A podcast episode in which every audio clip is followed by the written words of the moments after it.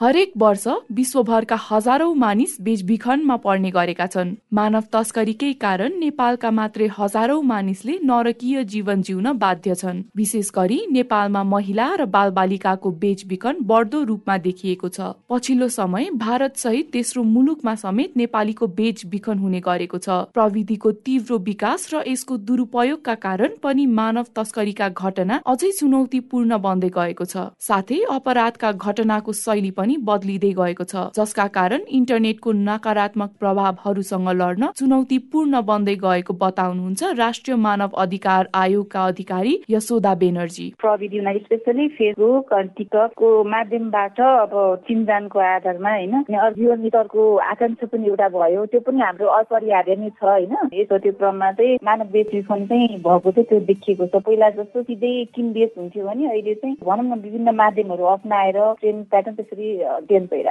मानव बेचबिखनका अधिकांश घटनामा सामाजिक सञ्जालको प्रयोग बढेको नेपाल प्रहरीको तथ्याङ्क छ। प्रहरीको तथ्याङ्क अनुसार नेपालमा दुई हजार छयत्तर सतहत्तरमा मानव बेचबिखनका एक सय छत्तिस मुद्दा दर्ता भएको थियो भने सतहत्तर अठहत्तर सालमा एक सय चौतिस मुद्दा दर्ता भएका छन्। कतिपय घटना भने प्रहरीसम्म पनि पुग्ने गरेको छैन। नेपालमा मानव बेचबिखन नियन्त्रणका लागि विभिन्न नीति नियम बनाइए पनि यसको प्रभावकारी कार्यान्वयन नहुँदा यस्ता घटनामा न्यूनीकरण हुन नसकेको पाइन्छ।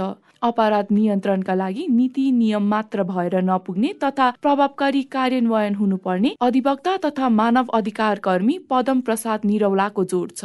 बेचबिखन त्यस्तो कसैले थाहा पाएमा त्यो व्यक्तिले सूचना दिन मिल्छ र त्यो सूचना पनि जसले दिन्छ त्यो नागोप्य राख्ने कानुनमै व्यवस्था गरिएको छ। त्यसलाई पुरस्कारको समेत ऐनमा व्यवस्था गरिएको छ। र यसरी चाहिँ यो अहिले नियन्त्रण केही हदसम्म भएको छ। बल प्रभावकारी छैन अझ चाहिँ अलिकति ऐनहरूलाई संशोधन गर्नुपर्ने अवस्था छ र कडा कानुनको व्यवस्था गर्नुपर्छ। क्राइम एन्ड ल इन्फोर्समेन्टको एक तथ्याङ्क अनुसार सन् दुई हजार बिसमा विश्वभर दस लाख बढी मानिस बेचबिखनमा परेका छन्। मानव बेचबिखन जस्तो जघन्य अपराध विरुद्ध सरकारीका साथै थुप्रै गैर सरकारी संघ संस्थाहरूले पनि विश्वभर नै अभियान चलाउँदै आएका छन्। नेपालमा पनि माइती नेपाल लगायत विभिन्न संघ संस्थाले यो क्षेत्रमा काम गर्दै आएका छन्। माइती नेपालले बेचबिखनको शिकार बनेका नेपाली चेलीलाई उद्धार गरी संरक्षण गर्दै आएको छ। साथै उद्धार गरिएका चेलीबेटीलाई विभिन्न सिप र बाल बालिकालाई शिक्षाको व्यवस्था गरी पूर्ण स्थापना गरिरहेको माइती नेपालकी संस्थापक अनुराधा कोइरालाले बताउनु भयो